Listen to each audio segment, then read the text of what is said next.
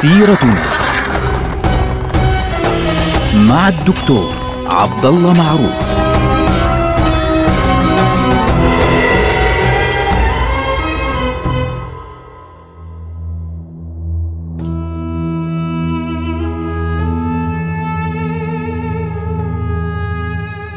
السلام عليكم ورحمة الله وبركاته. سيرتنا سيرة هذه الأمة، ونحن الآن في نهاية عهد الدولة العثمانية. نحن الآن في عام فاصل، عام 1920. هذا العام الذي تم فيه توقيع آه، معاهدة اسمها معاهدة سيفر التي بموجبها يعني كانت الدولة العثمانية خلص يعني تضرب المسمار الأخير في نعشها واضطر السلطان محمد وحيد الدين إلى التصديق عليها وتوقيعها وبنفس الوقت دعم مصطفى كمال الذي كان يمثل في ذلك الوقت تطلعا إلى الحرية وإلى آه الاستقلال فعليا وإبعاد الأعداء عن إسطنبول التي احتلوها بالكامل في تلك المرحلة. السلطان محمد وحيد الدين اذا هنا فقد السيطرة على كل المناطق سواء في داخل تركيا أو في خارجها ولذلك أوعز إلى مصطفى كمال بأن يتحرك باتجاه منطقة الأناضول ويبدأ يعني بتثوير الشعب وإعانته فعليا على الانطلاق في ذلك الوقت. لأنه طبعا مصطفى كمال في ذلك الوقت لم يكن منتميا أصلا إلى آه، آه، جمعية الاتحاد والترقي، يعني أعطاه كانت مهمته التي أعطاه إياها تحريك الشعب للثورة والاستقلالية، فكان يحاول محمد وحيد الدين أن لا يظهر بمظهر الذي آه، يعني يقف مع هذه الحركة الوطنية. وفي نفس الوقت كان يعني لا يستطيع أن يتخلص من آه، منصبه باعتباره هو السلطان وبالتالي هو الذي يجب أن يصادق على هذه المعاهدات بشكل كامل. في نفس هذا العام عام 1920 تم توقيع معاهدة خاصة بالعالم العربي وتحديدا منطقة بلاد الشام معاهدة في غاية السوء. لا تقل سوءا عن معاهدة سايكس بيكو. هذه المعاهدة كانت معاهدة اسمها سان ريمو. سان ريمو. كانت هذه المعاهدة فعليا نتيجة لمؤتمر حدث أو عقد في مدينة سان ريمو الإيطالية في آه، شهر آه، نيسان أربعة آه، عام 1920 تحديدا كان المؤتمر طويل يعني بين 19 و 25 نيسان عام 1920 كان هذا المؤتمر عنوانه البحث في شروط الصلح مع تركيا طبقا لمعاهدة سيفر. معاهدة سفر تم التوقيع عليها وتم المصادقة عليها فعليا وبذلك اجتمعت الحكومتان الإنجليزية والفرنسية والحلفاء فعليا في هذه المنطقة. طبعا آه، إنجلترا وفرنسا لم يعجبهم قرار المؤتمر السوري العام الذي عقد في عام 1920 وأعلن استقلال سوريا بالكامل ورفض الوجود الأجنبي في مناطق سوريا وإعلان فيصل ابن الحسين ملكا على آه، سوريا وإعلان المملكة العربية السورية تكلمنا عن المملكة العربية السورية في حلقة ماضية. فبالتالي آه، كان هناك طبعا مؤتمر في لندن في في شهر اثنين من ذلك العام وبدأ التحضير فيه لكيفية التعامل مع هذه التطورات الجديدة. معاهدة سيفر مع الدولة العثمانية آه، اعتراف الدولة العثمانية بسقوط كل هذه المناطق من, من يدها نهائيا ورفض العرب في بلاد الشام السيطرة الفرنسية أو البريطانية عليهم ومناداتهم بفيصل ملكا على منطقة سوريا واللي هي طبعا بلاد الشام في ذلك الوقت فعليا. الآن كان ذلك يعني امتدادا لهذا المؤتمر امتداد لندن. المؤتمر سان ريمو هو امتداد لمؤتمر لندن لكن امتداد مؤتمر سان ريمو كانت أهميته تنبع بأنه أصدر القرارات النهائية التي تم تطبيقها بشكل عام. طبعا بحث هذا المؤتمر معاهدة السيفر التي كانت قد رسمت مستقبل هذه المنطقة العربية التي كانت طبعا تضم بلاد الشام والعراق. إضافة إلى ذلك تم بحث التقسيمات في هذه المناطق والانتدابات حسب مصلحة دول الحلفاء. في هذا المؤتمر بالذات رسمت حدود الدول التي نعرفها اليوم في مؤتمر سان ريمو. تم تقسيم بلاد الشام اللي كانوا يسموها طبعا سوريا الكبرى في ذلك الوقت إلى أربعة أقسام. وسميت هذه المناطق سميت بأسماء، هذه سموها سوريا، هذه سموها لبنان، هذه يسموها الأردن وهذه سموها فلسطين طبعا تقسيمات سان ريمو هي الأقرب للحدود التي نعرفها اليوم إحنا المشهور عندنا يا إخواننا أن الحدود الموجودة اليوم هي حدود سايكس بيكو. سايكس بيكو أو معاهدة سايكس بيكو عام 1916 المعاهدة المشهورة ذكرناها في حلقة ماضية لم تقسم هذه المناطق إلى دول وإنما قسمت مناطق النفوذ خطوط كانت بالعرض هكذا. بينما كانت قديما تؤخذ بشكل مختلف. لكن هذه الاتفاقية أو هذه المعاهدة معاهدة سان ريمو بموجبها تم رسم حدود خاصة قريبة جدا بل هي نفسها الحدود التي نعرفها اليوم. وتم تسمية هذه المناطق هذه اسمها سوريا هذه اسمها لبنان هذه اسمها فلسطين وهذه اسمها الأردن. ثم بعد ذلك تم تحديد أن سوريا ولبنان تقع تحت الانتداب الفرنسي والأردن وفلسطين تقع تحت الانتداب البريطاني.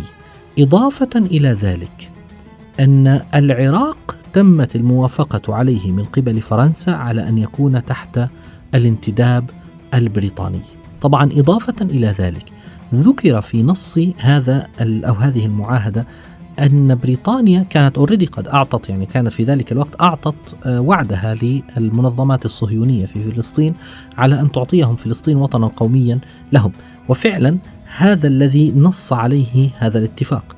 وبالتالي بريطانيا أخذت فلسطين وبموجب هذا الاتفاق يعني لابد من تنفيذ وعد بلفور. كانت يعني وعد بلفور موجود عندهم في آه، الحسبان.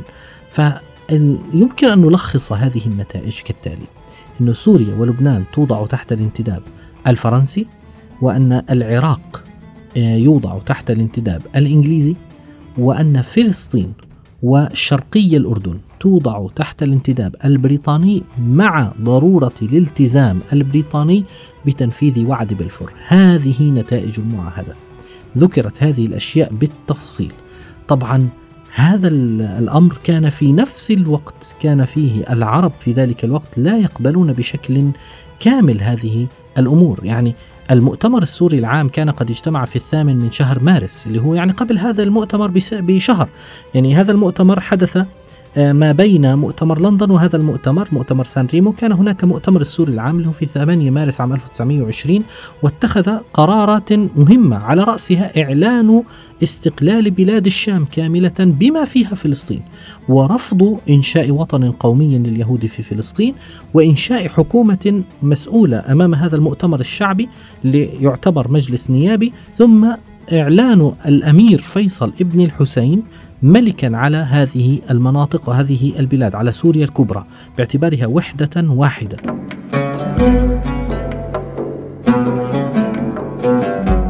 وكانت من نتائج هذا المؤتمر تشكيل حكومة. كان علي رضا الركابي فعليا اللي هو أول رئيس حكومة في هذه المنطقة كان رئيسا لحكومة المملكة في هذه البقعة وكان فيها فعليا آه، سبع وزراء. طبعا مباشرة حاول العرب في ذلك الوقت وضع دستور مشروع دستور لمنطقة آه، بلاد الشام وترتيب هذه الأمور بالكامل. بينما جاء المؤتمر مؤتمر سان ريمو فعليا في هذه المنطقة مختلفا تماما أنه أنتم الفرنسيون ستكونون مسؤولين عن عن سوريا وستكونون مسؤولين عن آه، لبنان. ونحن البريطانيون سنكون مسؤولين عن العراق وعن الأردن ونسلم فلسطين لليهود لتحقيق وعد بلفور.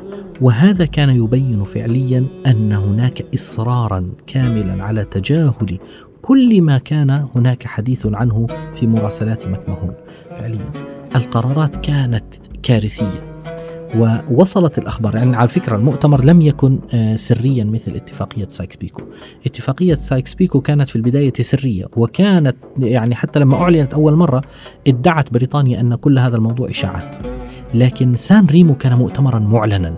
كان بمنتهى الغطرسة وبمنتهى الوقاحة ينظر الإنجليز والفرنسيون من من فوق يعني من برجهم العاجي إلى العرب الذين يعني يعلنون لأنفسهم مملكة في بلاد الشام وإلى آخره ويقولون افعلوا ما شئتم الواقع هو كذا وكذا وكذا وكذا. ماذا كان النتيجة بعد ذلك؟ كانت النتيجة أن التطبيق بدأ حرفيا لهذه الاتفاقية وتم ترسيم الحدود بالقوة وبدأت القوات الدولة الفرنسية المتمركزة في الساحل ما بين أنطاكيا حتى بيروت بدأت بالتقدم لاحقا باتجاه داخل البلاد وما إن حان عام 1922 حتى دخل الفرنسيون إلى دمشق وأزيح الملك فيصل عن هذه المدينة وعن هذه البلاد واضطر إلى الخروج باتجاه العراق الذي كانت فيها يفترض أخوه الأمير عبد الله الذي انتقل بموجب ما حدث إلى شرقي الأردن وأعلن فيها إمارة شرقي الأردن تحت الانتداب البريطاني. وصار العراق تحت الانتداب البريطاني وأصبح يعني فيصل ملك على العراق تحت الانتداب البريطاني بالقوة. وعبد الله أمير على منطقة شرق الأردن إمارة شرق الأردن. وتحت الانتداب البريطاني أيضا الانتداب بالقوة. والفرنسيون سيطروا بشكل كامل على سوريا وعلى لبنان بالقوة. وأنشأوا فيها حكومة خاصة بهم تتبعهم بشكل مباشر. كان هذا المؤتمر ضربة قاسية وقاصمة ونهائية حقيقة لكل ما كان العرب يحلمون به في أيام الثورة العربية الكبرى. طبعا لابد من أن نسأل نفسنا هنا سؤالا مهما جدا. الثورة العربية الكبرى 1916 اتفاقية سايكس بيكو واتفاقية سان ريمو والانسلاخ العربي لهذه المناطق العربية عن الدولة العثمانية. من الذي كان مسؤولا عنه؟ من المخطئ؟ لذا يعني هذه النقطة التي يتساءل فيها كثير من الناس سواء العرب أو الأتراك على فكرة يعني بعض الأتراك بيقولوا والله العرب ثاروا علينا ووقفوا مع العدو في الثورة العربية العرب يقولون إن الأتراك يعني حاولوا أن يعني يغيروا طبيعتنا ويغيروا لغتنا ويغيروا كل شيء واضطهدونا فعليا في قبيل فترة الثورة العربية الكبرى. الواقع أخواننا أن المسؤول الأساسي عن هذه الأحداث كلها هو الطرفان. كل طرف منهما فعليا مسؤول عن هذه الأحداث. كيف؟ البريطانيون والاوروبيون لم يكونوا أصحاب عهد فعليا وبالتالي ما كان ينبغي لأحد أن يثق بوعودهم مهما كانت وعودهم مع أنه ولو كانت أوراق ولو كانت موقعة بكل بساطة ألغوا اتفاقياتهم وألغوا كل ما يرونه. في نفس الوقت لم يكن لأحد أن يتعدى على عرقية من الأعراق التي وقفت وعاشت في ظل هذه الدولة فترة 400 سنة. ما كان لأحد أن يتعامل مع طرف آخر باعتبار أنه أفضل منه على الإطلاق. منذ أن أزيح السلطان عبد الحميد الثاني يمكنني أن أقول إن الدولة العثمانية قد فقدت وجودها الفعلي. منذ أن أزيح السلطان عبد الحميد الثاني واستلم الاتحاديون الدولة العثمانية لم تعد الدولة العثمانية موجودة كما نعرفها في التاريخ وإنما أصبحت دولة جديدة شيء جديد أراده الاتحاديون غير ما كان سابقا. لكن في نفس الوقت كان الإسفين الذي وضعه البريطانيون والفرنسيون بين أبناء الدين الواحد وأبناء الأمة الواحدة العرب والأتراك والأكراد والفرس والبشناق وكل هذه الأعراق التي أسست لهذه الأمة ولهذه الدولة كان هذا الإسفين هو المسؤول المباشر عن كل ما حدث في هذه المرحلة. والله المستعان. نلقاكم على خير. والسلام عليكم.